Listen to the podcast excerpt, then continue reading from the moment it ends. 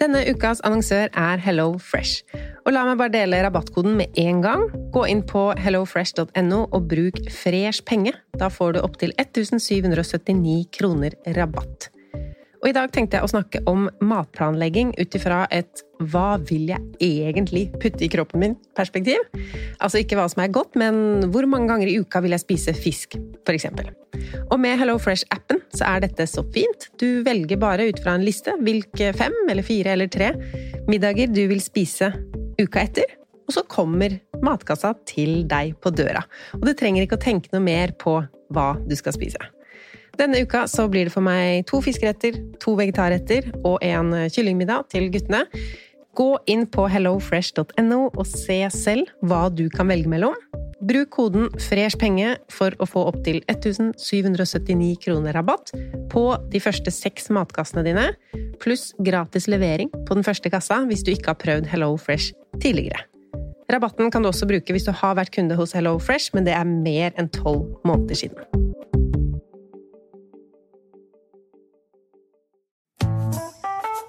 Har du et enkeltpersonforetak eller en liten bedrift?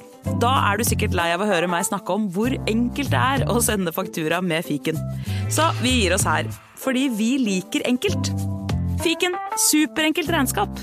Prøv gratis på fiken.no. Velkommen til Kjemperådet! Hey! Vi har fått inn et kjempenytt problem fra en mor. Jeg leser. Yes. Hei, jeg har en datter på 11 år som vurderer å slutte med orientering. Hun elsker jo å løpe, men finner aldri veien. Og jeg må sitte så lenge i bilen og vente. tricky. Yes, Ja, men ja dette her har jeg opplevd selv, faktisk. Og løsningen for meg ble da Maps på mobilen. Ja, hun er jo under 13 år. Da får hun 5 gigabyte data for bare 149 kroner med Telenor. Oi. Hun bør jo sjekke ut nye mobilabonnement på telenor.no, da. Yes!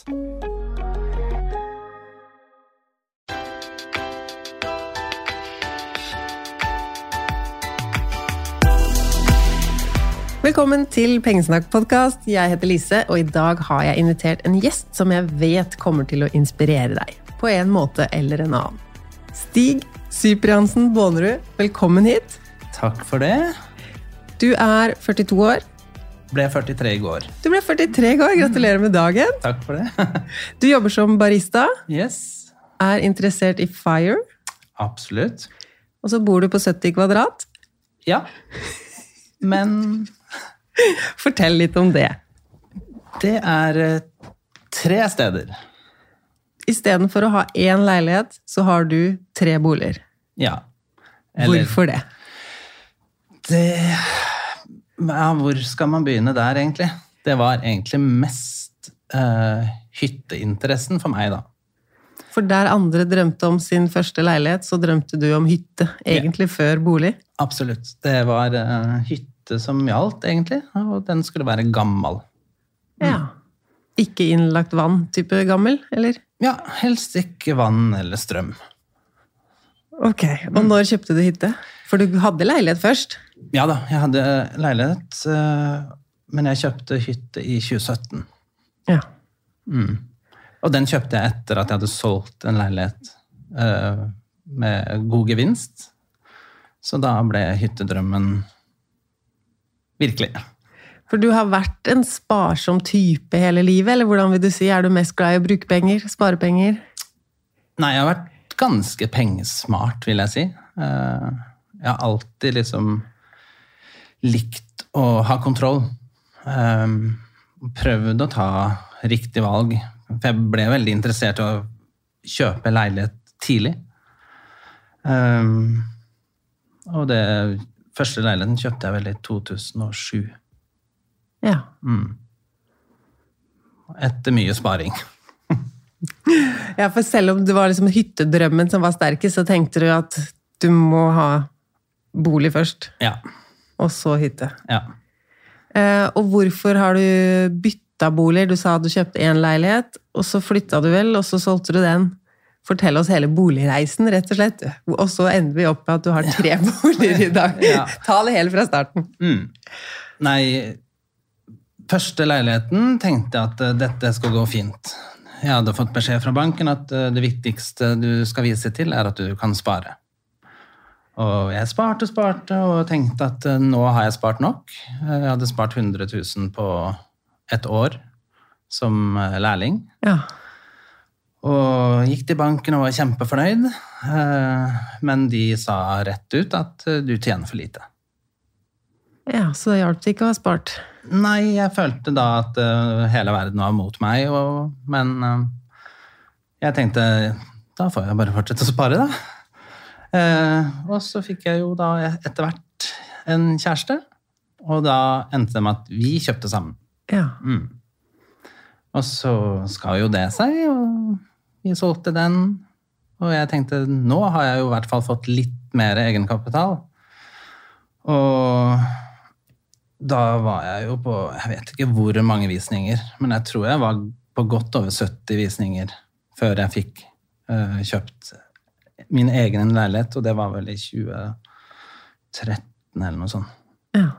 Og i mellomtiden så hadde jeg leid lite grann, men jeg var litt mer på at jeg skal eie en leilighet. Som folk flest i Norge. Ja. Ja. Og så, Og så er du jo født og oppvokst i Oslo, så det var i Oslo du skulle bo. Det var ikke Ja. noe alternativ der. Nei. Nei. Men uh, det her var jo under tiden hvor alle skulle bo innafor Ring 1. Så valgte jeg å se utenfor Ring 1 og 2. Ja. Og da fikk du også veldig mye mer for pengene. Uh, og, og den leiligheten jeg hadde der, hadde jeg også et par, par år. Eh, og den solgte jeg til en bestekompis. Okay. Da solgte jeg alene til han, men da skulle jeg finne fram alle papirer og Jeg gjør ikke det igjen. Nei, Nå neste gang bruker du megler. Ja. Ja. Uh, og så har jeg vel kjøpt et par leiligheter til med en eks.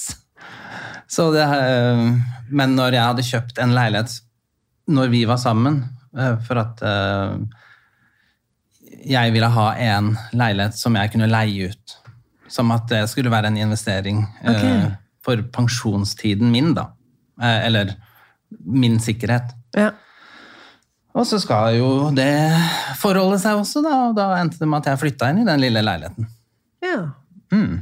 Og Flytta inn i pensjonssparinga di. yes, og den um, hadde jeg også vel ikke mer enn akkurat et år. Før jeg da skjønte at denne her leiligheten kan jeg tjene veldig mye på. Hvorfor det?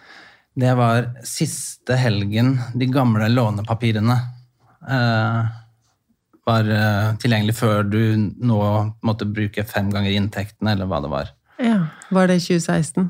Ja, eh, 2016 var jo det året den skulle trå i kraft, men hadde du fått det i desember, så varte det i tre måneder. Så jeg solgte i mars 2017. 2017, ja. Mm. ja. Da hadde jeg hatt leiligheten i ett år og ja, tre måneder, og tjente 970 000. Bare på å eie Bare på å eie. og selge den igjen. Mm. Og male.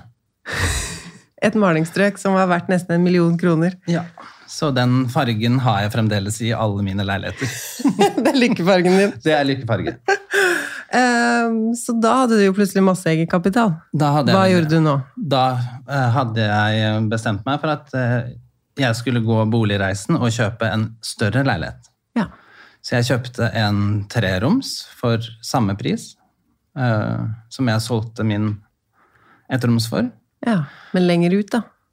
I samme bydel. Ok. Mm. Men den lå nærmere toget, så det passa også fint i forhold til der hvor jeg jobba. Jeg kunne ta toget rett ut til Lysaker og var fornøyd med det. Men jeg fant ut at det, nå har jeg også ganske mye mer egenkapital, og da var jeg rett ut på hyttemarkedet. Endelig. Mm. Så jeg saumfarte finn.no, som jeg alltid gjør. Og det gjør jeg nesten hver dag. På bolig eller på alle ting? Ja, hytte og eiendom egentlig, generelt. Og kom over en hytte som lå kun et kvarter unna, med buss. Ja, For du kjører ikke bil? Nei. Jeg måtte ha noe som var i nærheten, men jeg tenkte at jeg kan gå en time utenfor Oslo. Ja. eh, Så lenge det går en buss, et tog eller lignende. Ja. Eh, Sånn at jeg kunne reise dit i hvert fall en gang i uka, om jeg ville. Og jeg kom over dette, denne hytta som ligger da i Nittedal. Og Det første jeg gjorde, var at eh, jeg tok bussen opp og fant hvor den hytta lå, og gikk rundt tomta. For å bare se om er dette her noe jeg har lyst til. Og skjønte med en gang at dette her skal jeg ha. Det er din hytte. Det er min hytte. Og det var nesten koste hva det koste vil. Ja. Og når det var visning, så var jo denne hytta veldig populær. Det var det første gang jeg har vært på en hyttevisning hvor det var 25 stykker. Oi. Og, Og dette er en hytte uten strøm? Ja. En Ja, den er bygd i 1933. En helt eh, Ja, en vanlig tømmerkoie. God gammel eh, Det ser veldig sjarmerende ut. Det er en veldig sjarmerende. Og det er stor tomt. Det er nesten tre mål. Og eh, etter visningen så kjørte jeg eh, bil med megler tilbake igjen til Lillestrøm, for da kunne jeg ta toget til Grorud, der jeg bodde.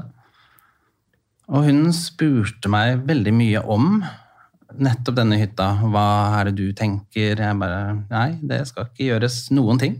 Den skal være som den er. Og budrunden starta, og plutselig så ringte hun meg og sa at budrunden er stopp- eh, stoppa. Stoppa? Ja. Hun eh, hadde snakket med selgere, og de ønsket å selge den til meg. Fordi du skulle beholde den sånn den var? Ja. Oi. For det var i tråd til uh, tidligere eier. Ja. Så de uh, Han hadde jo heller ikke eid den hytta veldig lenge. Så de bestemte seg at uh, den skulle du få. For, ja, jeg måtte jo kjøpe den da, men Ja, ja. Men det ble ikke på markedspris. nei. Så da hadde du hytte. Da hadde jeg hytte. Og det fineste med det var at denne kunne jeg dra til etter jobb, om jeg ville.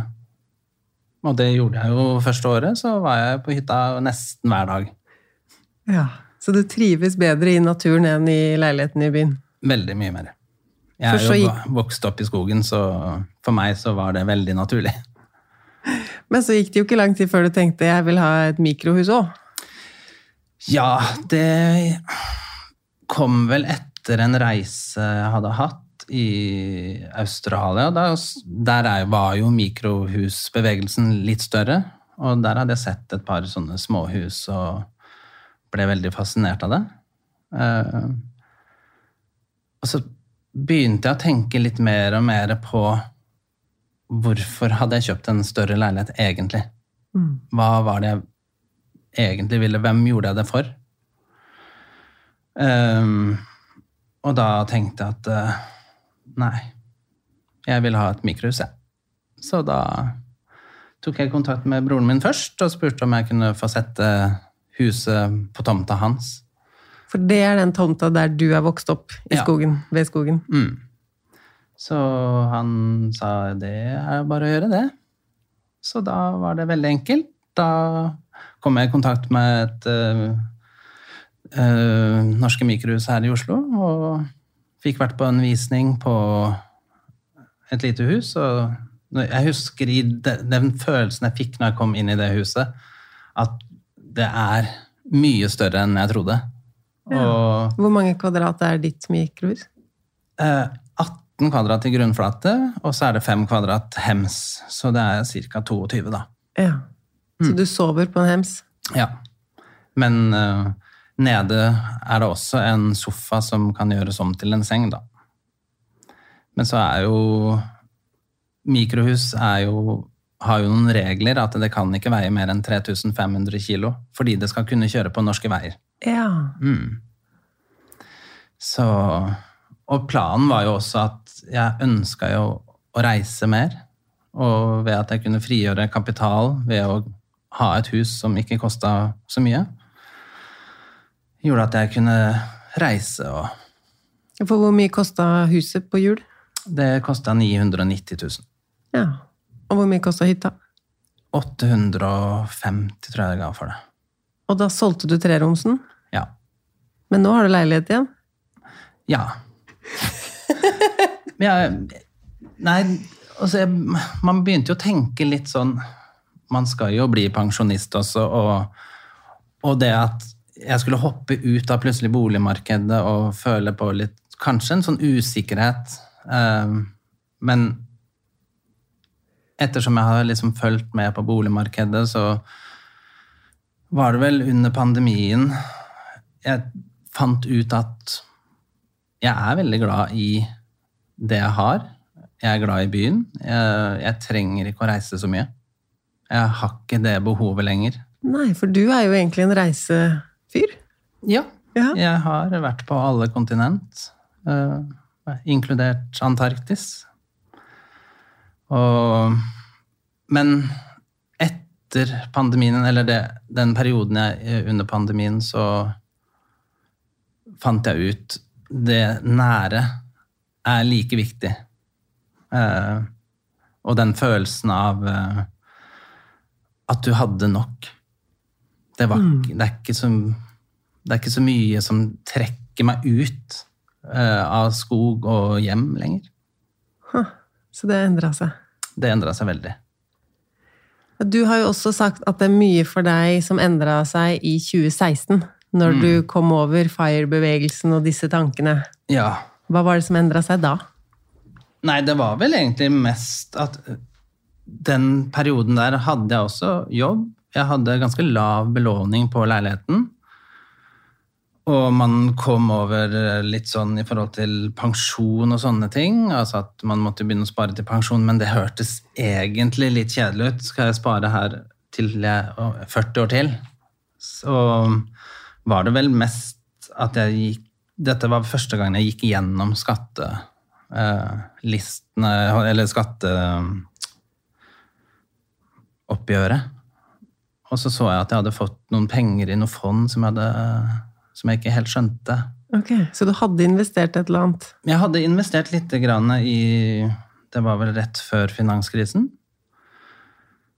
Og det var jo penger som jeg hadde satt inn da, men stoppa. Fordi at den perioden så var det alt var jo rødt, og det ble jo bare mindre og mindre. og Jo mer jeg satte inn, så tenkte jeg at dette her var jo kjempegodt råd. Så da stoppa jeg den sparingen, og der hadde jeg vel 2700 kroner når jeg hadde satt inn. Og i 2016 så hadde jeg jeg tror det var 18 eller 19 000. Og jeg tenkte hm, Hva er det som har skjedd? hva har skjedd her? Og så hadde jeg en annen sparing som jeg heller ikke forsto helt hva var. Men eh, etter hvert så fant jeg ut at det var eh, noen dåpspenger jeg hadde fått, som hadde stått og godgjort seg i Et ganske fond, mange år. eller? Ja, det var visst i et fond. Um, og det hadde jo da Jeg tror det har vært et sånn aktivt forvalta fond. Så det er jo noen andre som har styrt det, men uh, Og det, der sto det jo plutselig 26 000, eller uh, hva det var, og da tenkte jeg hm, Hva er dette aksjemarkedet? ja, hva er dette Og da begynte jeg liksom å søke opp og google litt, og, og det var jo da både Finansnerden kom opp, og så kom du opp, og så begynte jeg liksom hm, dette her var interessant. Og så kom jeg også inn på dette her med FU-money, og det var da jeg tenkte hm, dette er, høres spennende ut. Og da bestemte jeg meg for at uh, dette er noe jeg har lyst til å fortsette med. Og har egentlig gjort det siden. Eh, Og for meg så handler det mest om I starten så var jeg veldig på det å spare og kutte ned og kutte ned og kutte ned, og gjorde det kanskje litt i overkant mye. Eh, Men det var en fin måte å få et, eh, en god oversikt over min egen økonomi. Og så fant jeg ut at etter hvert så Pengene var ikke det viktigste. Det var liksom mer eh, livskvaliteten som jeg fikk ut av det. Å ha pengekontroll. Og muligheten til Altså bare det å tenke at man kan tenke litt utafor boksen. Mm. Du kan ha et hytte og et lite hus. Du må ikke ha ett roms også, og tre roms også, er rekkehus neste. Man må ikke følge den eh, ruta der. Nei. Og det er nok det som jeg har innsett nå de siste årene. at uh, det å eie en leilighet eksempel i Oslo for meg, det er ikke heller det viktigste. Uh, men, og jeg har alltid, liksom, hver leilighet jeg har funnet, så har det vært, eh, det har vært drømmeleiligheten. Drømmeleiligheten finner jeg overalt. Det er mange av den. Den er- det er mange av den, skjønner du. Så Men har du noe sånn fire-tall eller fire-dato, eller har du landa i noe annet nå? jeg hadde jo også Jeg fulgte jo deg litt grann på i forhold til hvor Ikke hvor lite, men hva er nok for at jeg har et bra liv. Ja. Og da endte jeg også på samme beløp som deg den gang. På, 3 750 000? Yes. Ja. Bra tall. Det, og den står jeg egentlig fast ved fremdeles. Ja. Um, Jeg har måttet øke litt. Ja. Og, men jeg har også en tanke at det som jeg har i dag, er ikke sikkert det samme som jeg har om ti år. Eller fem år. Eller neste år. Jeg, For du er ikke sånn kjempegira på å si opp jobben. Det er ikke det som er din motivasjon heller. Nei. Nei. Jeg har gjort det samme i 22 år nå. Eh, og jeg tenker at så lenge jeg har en god nok jobb eh, som dekker mitt behov og dekker det livet jeg ønsker å ha, så, så er det nok. Det, Så du er verken der at jeg vil ikke jobbe, eller jeg må makse inntekt og finne nei. Det er du ikke. nei. Nei. Jeg har liksom tenkt at etter hvert når jeg fant ut at jeg kan flippe litt boliger, så gjorde det at det, boosta jo liksom sparinga mi. Men det var liksom ikke det som gjorde at jeg fremdeles går på jobb i dag. Eh, Jeg syns det å si at man har det bra, må jo være nok. Eh, Og ikke hele tiden jage etter mer og mer og mer og mer. Men hvis man er tilfreds med det man har, så kommer man egentlig ganske langt, altså. For ha, vil du si at du har drømmejobben? Jeg vil ikke liksom si at jeg har drømmejobben, fordi det, altså, jeg, så lenge man gjør noe man liker uh, Hvis eh, jeg har en jobb som jeg ikke likte, da ville jeg kanskje gjort noe annet. Ja. Jeg mener at eh, jeg kan gå på jobb og glede meg hver eneste dag. Uh, Det er ikke alltid like gøy å stå opp så tidlig, men eh, det å liksom møte så mye mennesker hver dag gjør at uh, ingen dag er jo lik. For du er utdanna konditor, Ja. men du jobber ikke med kaker. Ikke nå lenger, nei. Nei. Det ble slutt i 2002. Så nå jobber du med kaffen. Det er kaffen. Jeg Det hører jo bare- sammen, de to, da. Kaffe Ja, og kaker. Det, var, det var derfor jeg begynte med kaffe, egentlig. Fordi jeg ønska jo å starte et eget sted. Og da hadde jeg lyst til å lære mer om kaffe. Men så Da jeg ble uh, avdelingsleder, så skjønte jeg at uh, det å drive et sted er ikke bare å åpne noe for å tjene penger, liksom. Det er ganske mye jobb uh, som ligger bak. Og jeg hadde jo den dragningen mot å reise og gjøre andre ting også. Ja, Så da ville du ikke ha din egen kaffe? Nei. Nei. Så nå er du ansatt. Er Du ansatt. kan reise, Mm. men du reiser ikke. Eller du reiser til hytta, og så reiser du til mi. Hvordan fordeler du tiden din mellom tre boliger? Da kjenner jeg Det kunne jeg blitt litt stressa av. Hvor skal jeg spise middag i dag? Ja, altså sånn som Nå i jula har jeg jo vært hjemme i mikrohuset. Um, for I hverdagene så Det kommer litt an på når jeg begynner på jobb. Eh, hvis jeg er i mikrohuset og skal begynne på jobb, så må jeg stå opp enda tidligere, og det um, Det velger jeg bort. Da velger jeg leiligheten, for da kan jeg gå til jobb. Ja, deilig. Eh, Men hvis jeg er ferdig tidlig, så kan jeg reise hjem til mikrohuset, og så kan jeg reise ned på kvelden hvis jeg vil. Det kan bli mye som farting, men altså Det er ikke mer enn ti minutter med toget, så er jeg i mikrohuset. Og, så, og hytta er jeg alltid i påsken. ehm, og veldig mye på sommeren. Og veldig mye på høsten. Eh, for da er det mye bær og sopp i skogen som jeg sanker. Ja. Og så drar jeg til hytta når jeg ønsker å koble av. Og det, om det er vinter og minus 15, så drar jeg på hytta. Det har ikke noe å si. Du skrev på Instagram at du har spart over 200 000 kroner i 2023. Ja. Og kom med en liste med ting du har gjort. Og jeg tenker her er det mye som eh, eh, Som er sånn typisk Stig-ting som kommer fram. Og en av de er jo dyrkinga. ja. Men det er ikke på hytta, det er, Det er i mikrohuset. det er ved mikrohuset. Mm. Fortell om det. Nei, altså, i 2020 da hadde jeg jo solgt leiligheten og kjøpt mikrohuset. Eh, og planen var jo da å reise. Ja. Men så skjedde jo ingenting med den reiseplanen. Så da, 2020, nei. Nei. Og da tenkte jeg at dette her var jo i mars, og det var jo perfekt for å starte en ny hobby, da. Og da fant jeg ut at hage og dyrking, det må jo være tingen nå. Og da satte jeg i gang og kjøpte 14 pallekarmer og jord fra plantasjen og Du begynte ikke med én tomatplante, liksom? Det var... Nei. Da hadde jeg også sett uh, veldig mye filmer på YouTube og hadde kjøpt uh, hele pensum til uh, gartnerutdannelse. Så da tenkte jeg nå får jeg gå all in og sette i gang. Veit du hvor mye du har dyrka på tomta? I 2023 så ble det over 200 kilo.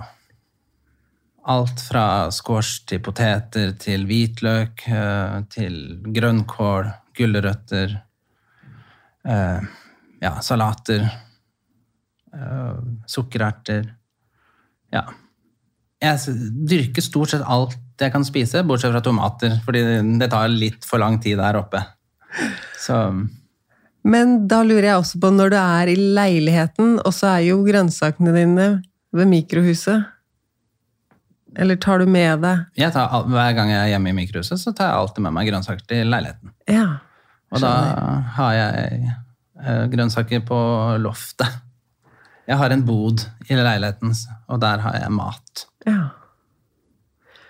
Og sånn ellers med sparinga, hva er det som har gjort det mulig for deg å spare så mye? Nei, For lønna di er gjennomsnittslønn, eller litt under, Ja, kanskje? er litt under. Um, men um, det her var vel fra deg jeg tok, at uh, nå skal du begynne å spare først. Og jeg tenkte, etter hvert så begynte jeg å regne ut hvor mye har jeg brukt i år. Jeg bruk, gikk gjennom hele forbruket på ett år. Og så så jeg på her er det mye jeg kan kutte ut. Um, og så fant jeg ut uh, hvor mye penger jeg egentlig brukte på mat, og så tok jeg en sånn frossen februar en gang. Og fant, da kutta jeg ut så å si alt, og henta tilbake igjen de tingene jeg hadde lyst å ha i livet mitt. Ja. Og når jeg fant det, den summen, så fant jeg ut at da, da kan du spare resten. Så når du får inn lønn, så sparer du? Går det automatisk, eller er du inne og overfører? Jeg overfører egentlig ganske ofte, men jeg har en fast sparing hver, dag jeg hver gang jeg får lønn. Uh, Så går alt det til sparing, og så hvis jeg har en forbruksfri dag, f.eks., så setter jeg en hundrelapp til fond. Ja, for det driver du med. Forbruksfrie dager. Hva er det som er gøy med det? Du liker utfordringer, du. Ja Um, Jeg ser jo også på at liksom Jeg har jo alltid eh, tenkt at hvis jeg har nok, så trenger jeg ikke å kjøpe så mye. Eh, og jeg liker å utfordre meg. Jeg spiser meg ut av kjøleskap, og jeg spiser meg ut av skap, og noen ganger så er det litt glissent i skapet, men jeg handler da for én uke, og så slipper jeg å gå i butikken. Og jeg er også veldig heldig som syns det er kjempekjedelig å handle klær. Ja. Det sparer du nok en del på. Der sparer jeg veldig mye penger. Um, Men er du sånn opptatt av miljø, eller er det sparing av penger som er viktigst for deg når du holder forbruket nede? jeg tror I utgangspunktet var det sparinga først, eh, men etter hvert så ble det jo mer eh, tanken på at vi, spesielt i Norge, så har vi et veldig høyt forbruk på varer og ting. Så det har jo blitt mer og mer at jeg er interessert i miljø.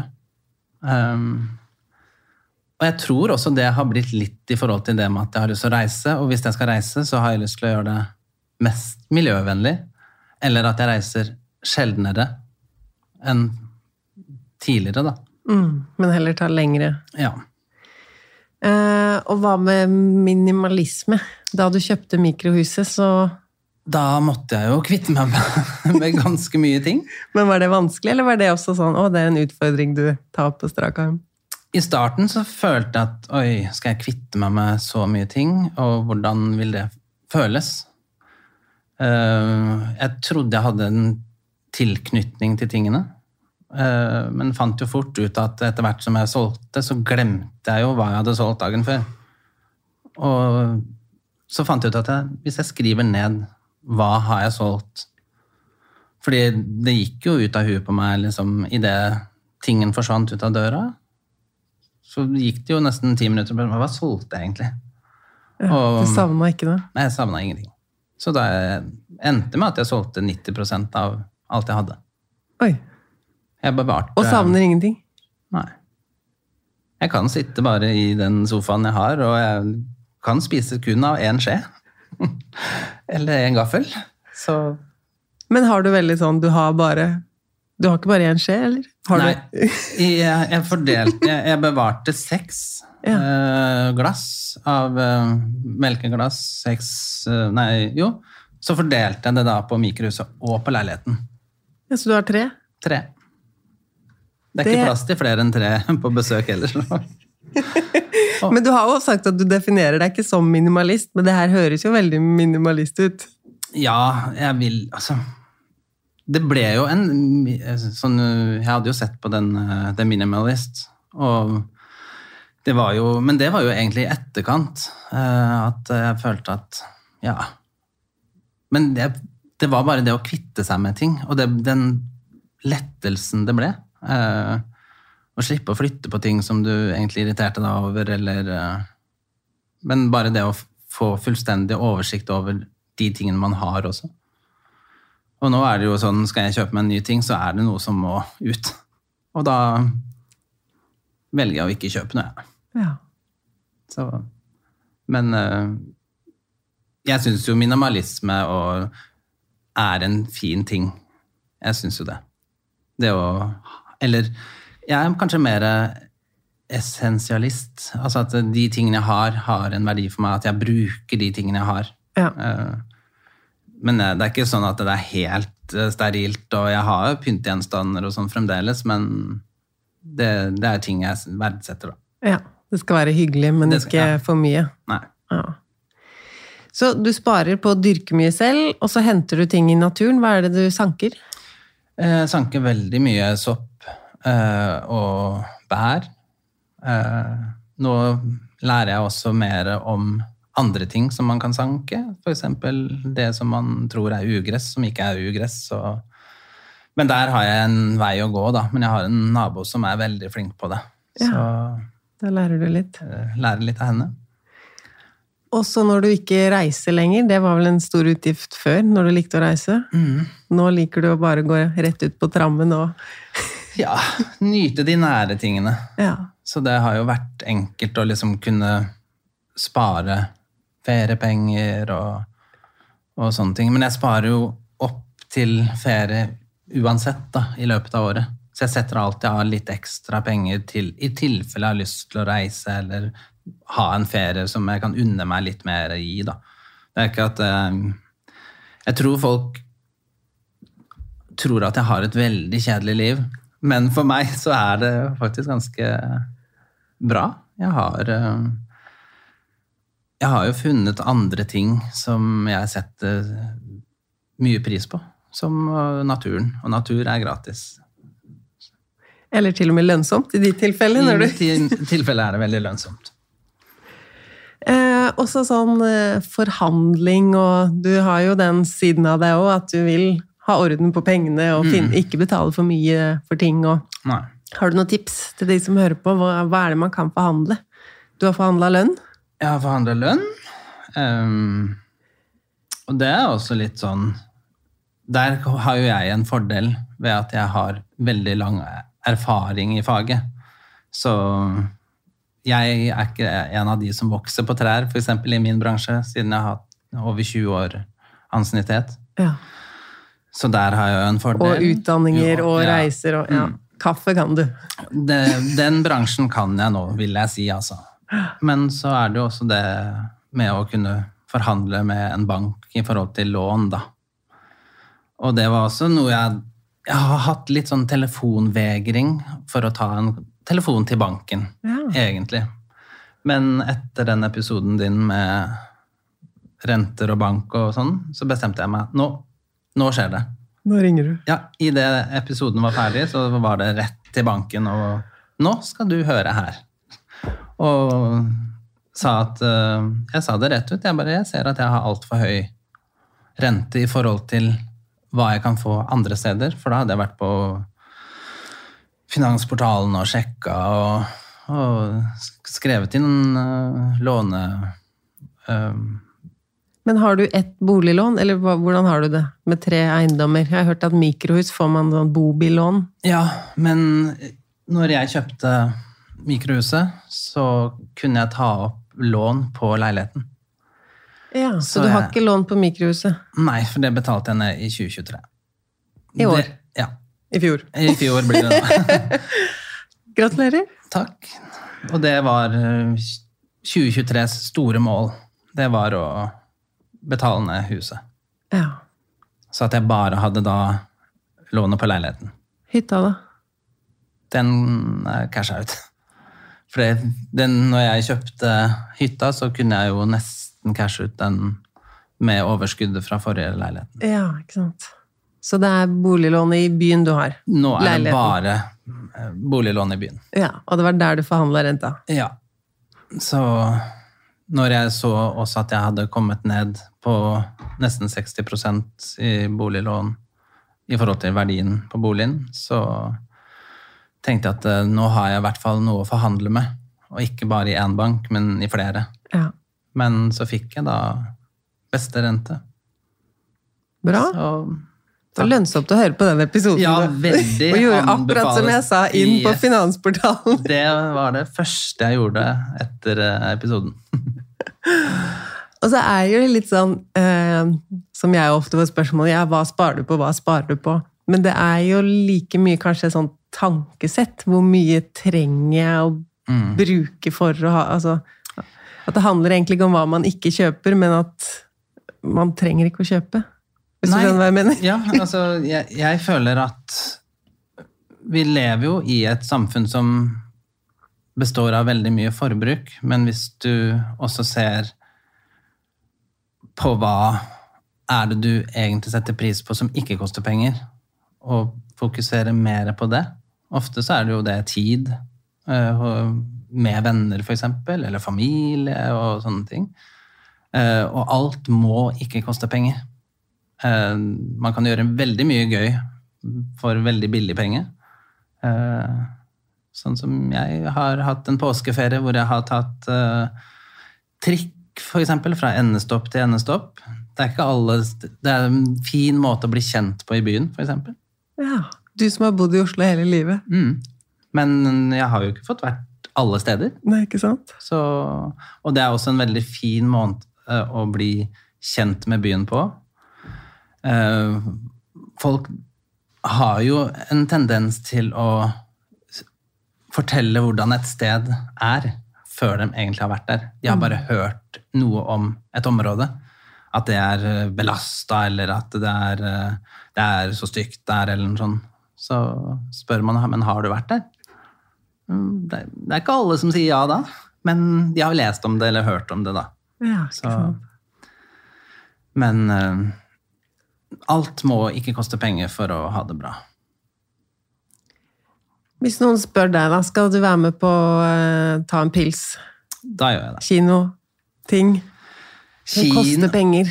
Ja, altså kino og sånn, det, det, er ikke så spennende for min del, da, men altså Og det å kunne være med og ta en øl eller sånne ting, da velger jeg å prioritere det, men da må jeg også se at Men da kan jeg ikke kanskje spise biff til fredagen, eller Og man kan se Eller lærer seg da underveis å prioritere. Hva har du lyst til?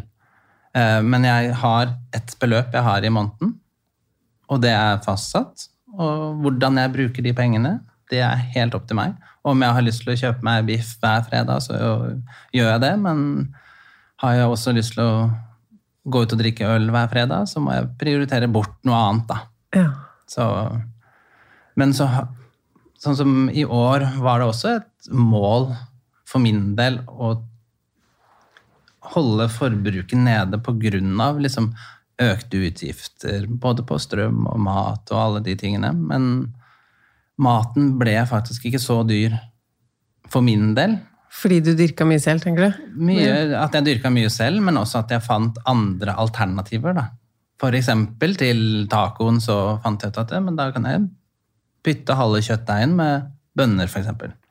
Og gjøre bare sånne små ting, men mange små ting blir ganske stort etter hvert. Du blir det, vet du. Aldri kjøpt en pose. Nei. Det kan vi ikke ta oss råd til. nei. Men hvordan veit du, da, når sånn i hverdagen, hvis du har lyst på noe, eller hvordan veit du når det er riktig å spare, og når det er riktig å bruke? For du sa litt sånn i starten ble du litt for gira på sparing. Hvordan har du funnet den rette balansen? Nei, altså Det var jo mye i etterkant at jeg tenkte eh, Etter at jeg har lest mye bøker og sånne ting, og så finne ut at hvor mye må jeg jobbe for å eventuelt å kjøpe dette? Hvor mange timer på jobb Ja. bruker jeg på å kjøpe en dyr jakke? Bruker jeg én eller to eller tre dager? Hvis tid er det jeg vil ha mest av, så kan jeg ikke gå ut og kjøpe dyre ting, eksempel, da. Og jeg kjøper ikke ting jeg ikke trenger. Nei. Det, det er blitt det største Altså Eller det viktigste for meg, da. Jeg ser hva er det jeg har. Er det noe jeg trenger? Ja, da gjør jeg en anskaffelse av det, det eksempel. Men jeg gjør ikke disse spontankjøpene. Det, det faller meg ikke inn lenger. Nei. Men har det vært sånn før? At du har kjøpt ting på impuls, eller har Det det var veldig mye av det før. Ja. Men så fant jeg ut at eh, liksom Når jeg hadde klesskapet fullt av skjorter, så tenkte jeg men du får jo ikke brukt alle i løpet av en måned engang. Og det var jo det der eh, at jeg hadde et kjempestort overforbruk. Um, og det var jo det at jeg tok opp i forhold til et forsøk jeg hadde med klær. Um, de fleste husker ikke egentlig hva du hadde på deg i går. Nei, nei. Og jeg fant ut at uh, jeg er jo ikke interessert i mote og sånne ting, så da var det veldig enkelt. Jeg fant noe jeg likte, og da kjøpte jeg det. Og så kvitta jeg meg med resten. Jeg, det var det det enkleste for meg å slippe å tenke på hva jeg skulle ha på meg dagen etter, så da har jeg funnet tre eller fire farger som jeg liker, og that's it. Ja. Veit du sånn hvor mange plagg du har, eller er det ikke sånn telle? Nei, jeg, øh, jeg har vel øh, Jeg tror jeg la det opp til at jeg hadde sju skjorter, så at jeg hadde én hver dag. Så at jeg slapp å liksom måtte Vaske, vaske. flere ganger Ja. i uka for Jeg skjønner. Og så har jeg litt flere eh, boksershortser og sokker og sånn, da. Der har jeg ganske stort eh, Ja, for du må ha litt på hytta, og litt i huset og litt i Ja. Og også på hytta så har jeg jo ulltøy og sånne ting liggende. Eh, Så, eh, og i minusa så har jeg også noe. Men der er det også litt at jeg tar med en bag, liksom, og det Ja. Fram og tilbake, det ja du har ikke fullt, fullt utstyr overalt. Nei, det har jeg ikke. Hvis de som hører på nå har tenkt jeg skal bruke mindre penger i 2024, og de er som eh, folk flest, hva slags tips og råd har du for å greie å være fornøyd med å bruke mindre? For det høres jo skummelt ut. Ja, eh, men det beste tipset jeg tror jeg egentlig kan gi, er å bli med på f.eks. Frossen februar. Ja. Du kvitter deg med nesten alt, eller Forbruksposten, ja. forbruksposten, og så ser du hva du ønsker å ha tilbake igjen. Ja. Og det du ikke trenger å ha tilbake, lar du være. Det som er så fint med det, er at du har ikke lovt deg selv å aldri gjøre det noen gang igjen. Det Nei, nei. er bare en test, Ja. og da er det ikke så skummelt, nei. Og det er um, og Hva det er en- kutta du ut da, etter frossen februar? Jeg kutta ut alle abonnement. Um, men så så jeg at liksom, hvis jeg hadde kutta ut alle abonnementene for eksempel, som jeg hadde, så hadde jeg jo De gangene jeg hadde lyst til å se på noe, så var det sånn hmm, Ja, ja, jeg kan se på gratis på NRK, jeg kan bruke YouTube. Og så var det jo enkelte ting som jeg bare Ja, det holder jo med ett abonnement. Og da, hvis jeg har eksempel Netflix, så kutter jeg ut HBO. Og har jeg HBO, så kutter jeg ut Netflix. Netflix. så alle de det er én inn, én Ja, ut på det her. En inn og en ut. Um, men også hovedsakelig få oversikt over utgiftene gjennom egentlig hele året. Alltid vite um, hva, hva du har hatt det foregående året. Var det noe som var en surprise?